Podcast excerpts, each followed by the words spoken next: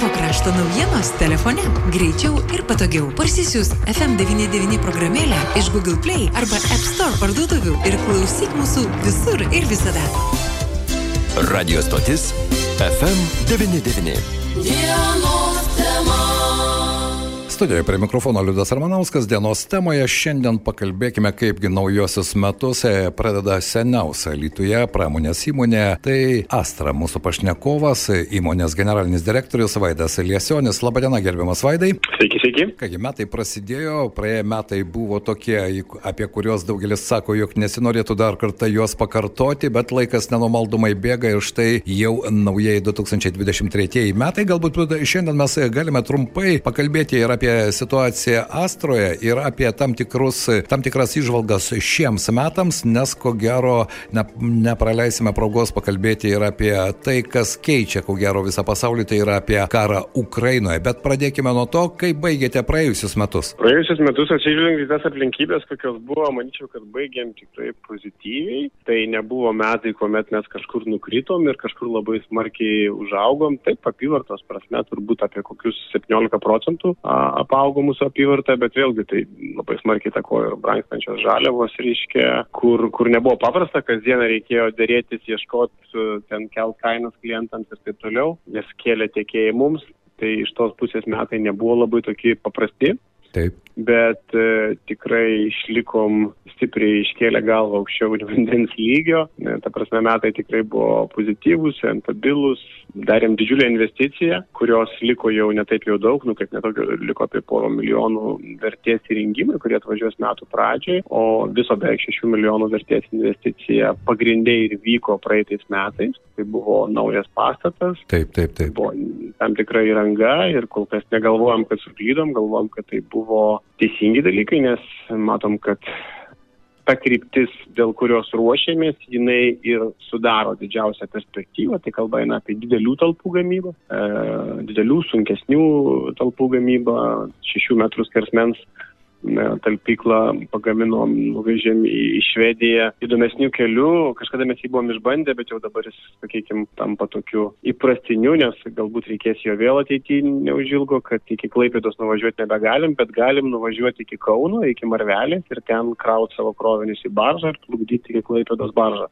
Nemono, ar ne? Tai, Nemūnų, taip. taip. Na štai, e, senelis Nemunas vėl bus galbūt įdarbintas. Tikėkime, kad kada nors ateis laikas, nereikės iki Kauno vežti savo talpų, čia pat pakrauti Lietuvoje į baržą, nes aš dar prisimenu, baržos plaukiojo. Jeigu hidroelektrinė kažkaip tai būtų taip. galima apiplaukti, tai jūsų žodžiai būtų į dievą jausi. Dabar kol kas tos galimybės nesimato, bet viskas ok, sakykime, čia normalu.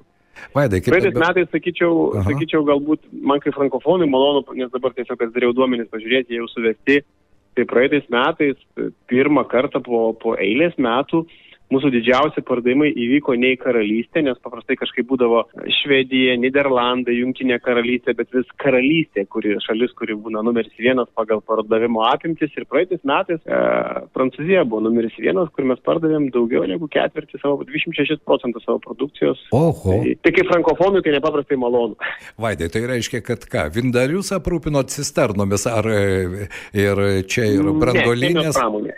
Chemijos pramonė. Chemijos pramonė. Brandulinė mes dažnai turim reikalų, bet pernai nebeturėjom, o Prancūzijoje chemijos pramonė iš tikrųjų yra labai, labai stipri ir, ir tiesą sakant, tai yra farmacija, kalbam ten apie pirminės medžiagas, apie žaliavas, kas iš principo yra chemijos pramonė, kalbam apie dažų gamybą, apie, apie sodos gamybą, apie tokias, nu, grinai, grinai chemijos, chemijos procesas. Na, bet tai patekti į Prancūzijos rinką, ko gero, irgi nebuvo taip lengva, ar ne? O dabar štai... Tik viena sąlyga, tik Kok... viena sąlyga, reikia kalbėti prancūziškai. Aha. Ta prasme, ir paskui 10-20 metų kantriai dirbti, ar ne? Bet ta sąlyga yra privaloma. Vaidai, jūs kalbate dabar prancūziškai, jeigu sakote, esate frankofonas, tai be jokios abejonės, ko gero, asmeniai kontaktai yra vienas iš svarbiausių dalykų, ko gero, ar ne Prancūzijoje? Taip, taip tas, tas, tas irgi veikia labai stipriai. Aišku, nes žinau, kad prieš Kalėdas jūs ir buvote Prancūzijoje. Tikrai taip. Mhm. Na, vadinasi, įdomu, atsiveria štai viena rinka, bet kalbant apie šiuos metus, vis dėlto trukinėjančios tiekimo grandinės ir žaliavų kainos, ar jūs vis dėlto analizuojate visą tą situaciją, kaip galėtumėte jas paprognozuoti šiems metams ir kiek jos priklauso nuo tos e, e situacijos Ukrainoje? Turbūt viskas susiję ir kaip tos, ta, ta situacija, kaip, kaip vystysis, taip ir tos kainos greičiausiai keisis, bet kuriuo atveju nerudėjančio plieno, kas pas mus yra pagrindinė žaliava ir nu, daugiausia pinigų sudaranti, pirkimuose kainos e, iš karto po karo pradžios pakilo e, praktiškai 2,5 karto per kelias dienas, bet tai buvo tokios, tokios priekybininkų, kaip sakyt, bandymas naudoti to, to, to išgaščių, tokių reiškia rinkų ir taip toliau. Nepasakyčiau, kad mes nors vieną kilogramą nupirkom už, už, už tą 2,5 karto aukštesnę kainą, bet tai buvo drastiškas kainų pakėlimas Ir jis niekaip netrodė logiškas, nes jeigu juodo plieno ketvirtis Europos rinkoje, ES rinkoje būdavo rusiško, ukrainietiško, tai nerudėjančio plieno iš Rusijos, reiškia, apskritai, nu, niekada nebuvo Europos rinkoje, bent jau to maistinio, kur mes naudojam. Nikelis irgi jis yra baisiai mažai taka, nes nerudėjančio plieno per 90 procentų yra gaminama iš nerudėjančio plieno laužo ir yra tik 10 procentų dedama naujų komponentų. Tas nikelis ten sudaro dešimtadalį iš tų 10 procentų. Tai tas, sakykime, toksai prekybininkų bandymas susidirbti, jisai truko pakankamai trumpai ir e, jau rūpiučio pirmom dienom kainos pasiekė prieš karinį lygį. Šiandien nerudėjantis plienas kainuoja mažiau negu prieš karą. Nestipriai mažiau, bet sakykime, ten 10 procentų mažiau. Juodas plienas irgi atsilikdamas šiek tiek leidžiasi, jis dar ar, o gal jau ir pasiekė tą patį lygį, koks buvo prieš karą, nes mhm. visgi vartojimas turėjo su inercija, bet e, sumažėjo, nes tiesiog daugelis projektų tapo nerentabilus. Tai Taip. labai sudėtinga pakankamai rinkoje, nes tiesiog iš vienos pusės brangsta, brangsta žaliava, o pardavimo galimybė mažėja, jokių būdų negalima pirkti į priekį, į sandėlius kažkur, tai mes paprastai perkam, užsako gaminį, mes perkam tam gaminį medžiagą nes dirbam, nu, kaip sakyt, projektinė įmonė, ne, ne, ne, ne, negaminam kaip ten šokoladukų ten gamintų, reiškia, serijinių būdų. Per dieną, jo, jokių serijinių produktų nebeturim apskritai. Bet, sakykime, energetika irgi atrodo, kad, kad, kad tie visokie galimai galbūt karteliniai susitarimai, kurie, nes pabrango elektrą ir, ir čia į Ukrainą, į Rusiją rodyti nelogiškai yra, nes kaip Prancūzijoje elektros savikaina galėjo priklausyti nuo dujų kainos, jeigu jinai gaminama atominiuose reaktoriuose. Tiek, kiek kainavo prieš keturis metus, prieš tris jos savikaina iš principo tokia pati ir išliko. Tai buvo grinai marketinginiai kainų sukelimai, kurie po truputį grįžinėja Ir aišku, ta žalia energetika Lietuvoje mes irgi ketinam prie 245 kW turimo saulės elektrinės pridėti dar virš 500 kW saulės energijos, kas, kas būtų jau ryškiai virš pusėje pasigamintumėm savo poreikių. Tai gana tokie, sakykime, trumpų periodų žiūrint, sėkmės atveju per metus laiko viskas bus realizuota. Tai aš galvoju, kad jeigu, čia neįmanoma atspėti, bet jeigu bus taip, kaip aš norėčiau, kad, kad, kad tas Ukrainos E, Rusijos karas sustotų, grįžtų į tas pradinės, reiškia, sienas, kokios buvo iki 14 metų ir jisai sustotų kažkokiu tai atveju, kažkokiu tai sėkmės e, scenarijum per, per, per, per keletą mėnesių, tai būtų tai, ko daugybė rinkų norėtų, nes Taip. aš manau, ta pati Ukrainos rinka bus nepaprastai didžiulė rinka, nes e, įstikinęs esu, kad tiek, tiek Europos Sąjunga, Tiek galbūt valstijos atstatys tą Ukrainą pakankamai intensyviai. Ir netgi šiuo metu mes turim užsakymą iš Ukrainos. Netgi šiuo metu, vadinasi, dalis pramonės vis dėlto ten dirba, ne be jokios abejonės. Rinka yra didelė. Ta maisto pramonės dalis, kuri liko, kuri yra centrinė arba vakarų Taip. Ukrainoje, jinai dirba žymiai didesniais apsisukimais, nes juk rytuose nebeliko tos pramonės. Taip. Tai atitinkamai žmonių skaičius sumažėjo, aišku, bet ne tiek, kiek, kiek prapolė pramonės ir jinai turi aprūpinti. Tai ten vyksta didžiuliai procesai ir, ir, ir ta, ypač maisto pramonė, tai tokia, kurios, kaip sakyti, negali palaukti. Automobilio gali nebepirkti metus laiko paremontuoti seną, bet... Valgyti reikia šiandien ir dabar, ar ne, be jokios abejonės. Vaidai, o jeigu kalbėti vis dėlto apie tą darbą su Ukrainos įmonėmis, atsiskaitimai, visa kita, kas yra svarbu ir jums kaip gamintojams, čia nekyla problemų? Tai šiuo metu mes turim vienintelį sudartį pakankamai ženklios sumos, bet tie atsiskaitimai mums yra saugus tarifai prieš laikiniai. Tai mhm. na, iš šitos pusės tai tokia rizika pamatuota. Be abejo, kad čia klausimas labai toks irgi jautrus. bet, bet toj pusėje liktai, liktai. Bendrai mes rinką žiūrim šiandien dienai pakankamai pozityviai, nes matot, kažkas atsiranda perturbacijos, ar tai, pavyzdžiui, įstatymai ten apriboja alų, tada aludariai puola gaminti sidrą. Ir kažko reikia investicijų automatiškai, nes jau alaus įranga ne visa tinka sidrai, kažko reikia papildomai. Tai ten koks nors atsiranda nežinau, pieno miltelių, pavyzdžiui, miltelinių produktų, ten paties pieno miltelio ar ten kokių nors baltymų miltelių, tada, tada reiškia, mūsų potencialus vartotojai kažką investuoja ir tas mums būna palanku. Šiandien dienai tikrai įspūdingai investuoja Skandinavijos pramonė, ypač Švedijos pramonė, ten į chemiją, ten elektromobilių baterijų gamybą. Taip, taip. Yra tokia viena įmonė, didžiausia Europo investicija, daugiau negu 2 milijardų. Mes ten irgi, kaip sakyta, kiek tai tos riekelės atsiriekiam vis laikas nuo laiko. Tai, bet bet kuriuo atveju Švedijos maisto pramonė, kaip investuoja, tai įspūdinga žiūrėti. Ir mes pernai Švediją pardavėm, matau dabar 18 procentų, nugrubiai, kas, kas penktas mūsų gaminys išvažiavo iš Švedijos karalystės. Mhm. Tai 25 procentai į Prancūziją, štai 18 procentų į Skandinaviją. Kur dar jūsų rinkos pirago dalys yra pagrindę? Lietuvoje turite klientų? Tikrai taip, bet pernai, va, irgi, kad dar nebuvau nežiūrėjęs iki šito pokalbio skaičių, tai pernai Lietuvoje mūsų pardavimai e, sudarė 13 procentų. Tai šiek tiek mažiau negu prieš tai. E, yra kažkada mažiausiai gal buvo 15 Lietuvoje, tarkim, pernai Lietuvoje pardavėm a, netgi 21 procentą, tai Lietuvoje šiek tiek mažiau, bet absoliutinė suma tai vis tiek šiek tiek daugiau, nes nu, augimas vyko. Tai, tai, tai Lietuvos rinka, sakykime, pakankamai ženkli, 13 procentų, tai nu, nuo 25 milijonų, tai tikrai taip. Iš tikrųjų, mums Skandinavija, įmant kartu Skandinavijos visą pusęsalį ir prie tikros Skandinavijos pridedant Suomiją, reiškia Suomiją, Švediją, Daniją, Norvegiją, sudaro paprastai apie 40 procentų. Ir pernai metais arti to ir buvo Danija, gal šiek tiek buvo kuklesnė, bet, bet jo, Švedija, Suomija sudarė 11 procentų, dar, jo, beveik 40, 40 nepasiekė, bet Prancūzija ir, ir Šiaurės šalis kartu paėmus iš tikrųjų jau sudarė pas mus du trečdalius visos. Taip visos rinkos, ar nam to pirago. Bet, bet, bet, bet, bet kuriuo atveju, pernai metais praktiškai, nu, okei, okay, Norvegija ir Šveicarija nėra Sąjungos šalis, bet tos, sakykime, glaudžiai susijęs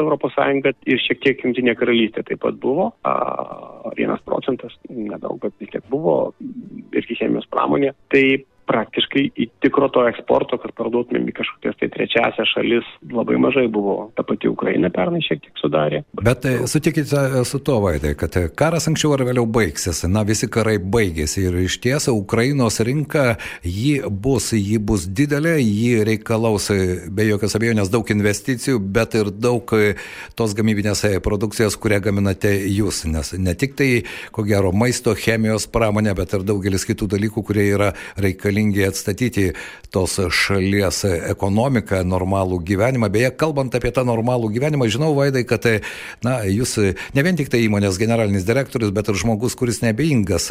Tai tam, kas darosi Ukrainoje. Ir štai dabar mes persiritome jau per 300, nežinau, šiandien 14 ar 15 karo diena. Jūsų nuomonė, nepavargome dar, nes kai kurie žmonės sako, na, mums irgi reikia gyventi, žiema, infliacija, pinigų nėra tiek daug, kad kainos, maisto kainos pakilo 35 procentais per metus, o mes dar turime remti ukrainiečius. Ką jūs galėtumėte atsakyti? Tas klausimas yra ir, ir logiškas, ir, ir, ir teisybės jame daug yra, bet vis tiek man kažkoks, kažkokia frazė yra įsiminusi, kurio tai žurnalisto, kad šiandien dienai ukrainiečiai kovoja už mūsų teisę karą stebėti per televizorių ne per langą. Tai mes turim bet kuriuo atveju jiems padėti, e, ypač ta humanitarinė pusė, kuri nepaprastai svarbi. Kiekvienas mūsų nusiustas generatorius nu, gali padėti įspręsti labai rimtas problemas, kurių mes neįsivaizduojam, kad gali būti. Nu, tiesiog turim stabilų energijos tiekimą, neįsivaizduojam, ką reiškia, kad jisai yra pagal grafiką per dieną ir tas grafikas gali galioti tik vieną dieną ir po, po dienos būti kitoks. Tai aš tikrai toj vietoj raginu nepavargti ir, ir praktiškai kaip rutininių reguliarių būdų vat, praeina kiek tai laiko ir, ir, kažkokią tai paramą skirti. Yra masė tų priemonių. Tų jėlų yra, yra tų, tų reiškia, stiprus kartu, tos normalios patikrintos organizacijos. Aišku, mes šiek tiek kitaip, mes turim partnerius Ukrainai, e, verslo, kuriais labai pasitikim ir, ir dalis jų įmonės darbuotojų šiuo metu yra fronto. Taip, taip. Tai jūs jiems tai, irgi padedat kažkaip. Paprastai, taip, mes paprastai jiems siunčiam įvairią, įvairią paramą ir, ir, ir tokia, sakykime, stengiamės apčiuopiamą būtent tos, kurioms, kurios, kurios jie paprašo, kurios reikia, paklausėm, kurios dabar reikėtų. Tai tiek įmonė, tiek įmonės darbuotojai iš tikrųjų prisidėjo labai ženkliai. Čia prieš, prieš naujus metus buvo trys džipai.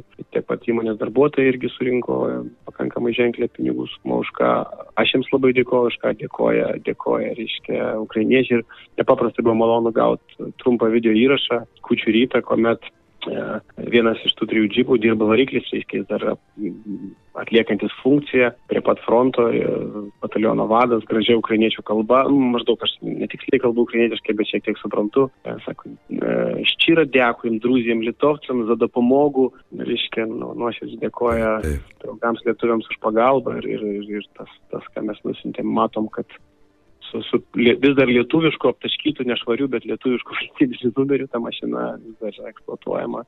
Tai, tai tas labai taip kaip sakyt, pajunti, kad kažką padarė realiai. Taip, e, ir ko gero sustoti ir pavargti čia, na, paprasčiausiai kiekvienas savo turi tą pasirinkimą, vienokią ar kitokią formą, ne visi gali galbūt džipus pirkti, bet prisidėti kiekvieną mėnesį prie... Be abejo, pačios, Jono iniciatyvos, su juo mes dažnokai irgi kalbame ir mūsų eteriai, ir jis sako, nu negalime pavargti, nes e, jūs e, kartais pamirštate, kad ten kiekvieną dieną karas ir viskas to pasakyta. Gynybos ministerijos vat, vadovo ministro duomenim 300 milijonų Lietuva pernai metais jau valstybiniu mastu reiškia pagalbos skiria Ukrainai, tai, tai turbūt būtų koks 110 eurų kiekvienam Lietuvos Taip. piliečiui.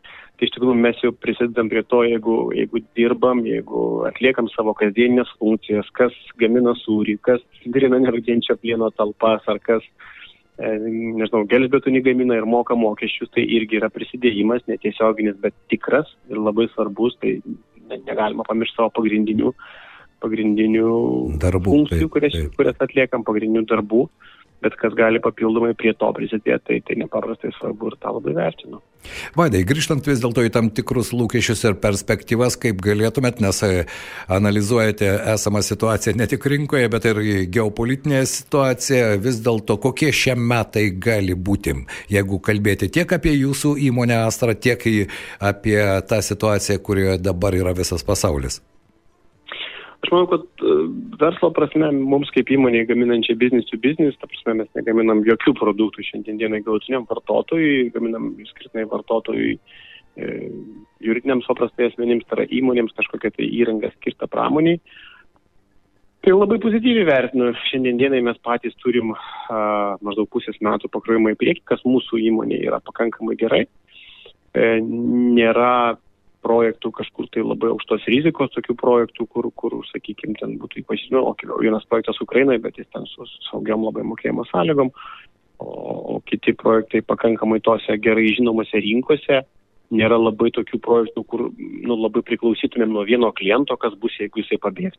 Ne, ne, neturim tokio kliento, kuris turbūt pas mus nupirktų daugiau negu 6 arba 5 procentus mūsų produkcijos per metus. Tai galbūt kažkas tai šiek tiek daugiau. Tai aš labai pozityviai tos metus vertinu, man ypač ta žalioji transformacija, kuri vyksta, jinai vėlgi mums duoda užsakymų, nes, nes, nes pavyzdžiui, e, įmonės šildymo arba technologijai skirto skirtos energijos akumuliavimą dažnai atlieka karšto vandens formų. Tai akumuliacinė karšto vandens talpa didelė, keliasdešimt, ten kelių šimtų kubinių metrų. Tai mes jaučiam, kad tokių gaminių jų visą laiką buvo, bet turbūt šiuo metu yra arba paklausimų yra šiek tiek daugiau, nes, man, pavyzdžiui, pigiai elektrą savaitgalį, ten naudoja vieną kaitinimo metodą, pasilieka tos energijos ten darbo savaitėje arba, arba reiškia, nakties metu. Taip pat tas, tas e, chemijos pramonė atsiranda labai daug dalykų. Jeigu kalbame apie elektromobilius, tai ten yra masė reikalų, ten elektrolitai, ten įvairios kitos medžiagos, ten yra perdirbimas tų procesų, ta prasme, senų baterijų naujas, ta, žiedinės ekonomikos kūrimas. Ir ten yra labai potencialiai rinkai, kurią mes žiūrim ir matom iš ten realių paklausimų. Taip pat, e, šil, ta prasme, energijos taupimo, izoliacinių medžiagų gamyba, kur vėlgi yra daug chemijos e, procesų, taip irgi jaučiam, kad, kad šiuo metu tos įmonės, kurios gamina izoliacinės medžiagas, pradant nuo mineralinės vatos, jos taip pat investuoja daugiau negu paprastai investuodavo. Mhm. Vadinasi, pozityvumo yra daug. Ir dar vienas klausimas, Vaidai. Ar yra ukrainiečių, kurie dirba Astroje? A, ne, mes šiuo metu nebeturim nei vieno ukrainiečio. Iki naujų metų buvo vienas žmogus, kuris dirbo su brangos būdu, bet jis išvažiavo su šeima į Junktinės Amerikos valstijas ir, ir dabar pas mus negali. Supratau. Bet vis dėlto pagalba Ukrainai jį reikalinga bus ir šiais metais. Noriu padėkoti Jums šiandien už pokalbį, už tuos darbus, kuriuos darote. Ir mano paskutinis klausimas. Kodėl Alytų aplenkia stambios investicijos? Nes štai, kodėl aš tai paklausiu. Ateina rinkiminis metas, kovo penktą dieną savivaldybės rinkimai, savivaldybių tarybų rinkimai, na ir prasidės pažadų lietus, potviniai ir taip toliau. Deja, ne visada visada tie pažadai vyksta realiais e, darbais. Jūsų nuomonė, ko trūksta miestui, kad iš tikrųjų jis e, gautų tą antrą kvepavimą ir iš esmės ateitų investicijos? Aš nesutiksiu su fraze, kad alytų aplenkė stambios investicijos. Jeigu paprastai kažkaip tai pastebi žmonės, kai investuoja nauja įmonė, tai ją kažkaip mato ir netgi nedidelė ten saliginai mažą investiciją, pirmą taivaniečių išgirdom Lietuvoje, tai visos televizijos parodė. Aš ką tik paminėjau, kad tos pačios Astros investicija sudaro 6 milijonus eurų, tai juk Alitu investavo Astra, investuoja dar nebaigiantos investicijos, tai niek neaplenkė nieko.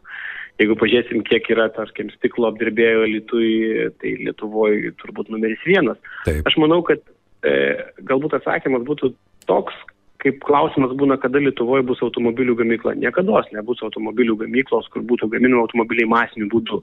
Nemasiniu, taip gali būti, todėl kad yra per mažas darbo rankų kiekis. Ir iš tikrųjų pagrindinė ta pati problema yra tai darbuotojų kiekis. Jeigu mes norim inžinierinės pramonės, tai mums reikia kvalifikuotų darbuotojų, pas mus nėra dėl žmonių skaičiaus ir turbūt niekada nebus universiteto, gali būti studijos universitetinės, gali būti filialai kažkokie atvažiuojančius ten nuotoliniai, bet tiesiog yra per mažas, per mažas miestas. Ir žmonių pasirinkimas e, potencialiam darbdaviui yra didžiulė problema. Konkuruoti mažais atlyginimais, ten pritraukiant žmonės galbūt su mažesniu įsilavinimu iš, iš, iš, iš kaimų ir taip toliau, tas, tas būdas Taip, galbūt yra ten tų įmonių, sakykime, maisto pramonės, yra Mariampolį pakankamai ženklių įmonių, jos renka darbuotojus keliasdešimt kilometrų spindulių, todėl kad nebėra darbuotojų.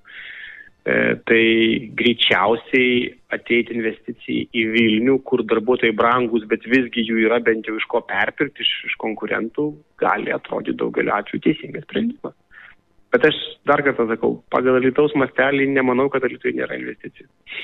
Na kągi, Astros pavyzdys įrodo, kad jų yra ir reikia kartais pažvelgti į tas įmonės, kurios dirba jau ne vienerius metus. O pokalbio pabaigoje, Vaidai, ar prisimenate, kiek metų Astra Alituje jau? A, Astra Alitoje nuo 1929 metų. Taip kad mes skaičiuojam, reiškia, 90, šiandien dieną jau ketvirtus metus. Taip. O aš pats iš keturių dienų 20 metų būsiu pradirbęs astrai taip pat, taip kad kaita žmonių, reiškia, skaičiuojant, pas mus irgi nėra didelė, aš nesu išimtis, yra įmonė du žmonės, kurie dirba po 55 metus. Wow, na čia ko gero. Žmonės dirba taip. įmonėje po 55 metus, taip. Netgi sunku įsivaizduoti, ar ne, kad... Taip, taip, taip, bet tai yra istorinis faktas. Kągi, Vaidai, šiandien dėkui, kad suradote laiko pakalbėti apie tai ir apie dabartį ir apie ateitį. Norisi palinkėti sėkmės, iš tikrųjų, kad tie lūkesčiai pildytųsi, o iš esmės visiems norisi palinkėti nepavarkti ir pagaliau sulaukti taikos. Dėkui Jums. Ir nepagaukit virusų ir bakterijų, kurių šiuo metu labai daug. Taip, tai irgi labai svarbu. Vaidas Liesionis, Astros generalinis direktorius, buvo mūsų dienos temos svečias. Iš ties visiems linkime sveikatos. Na, apie ekonomikos ir verslo sveikatą mes ir kalbėjome su mūsų pašnekovu. 99.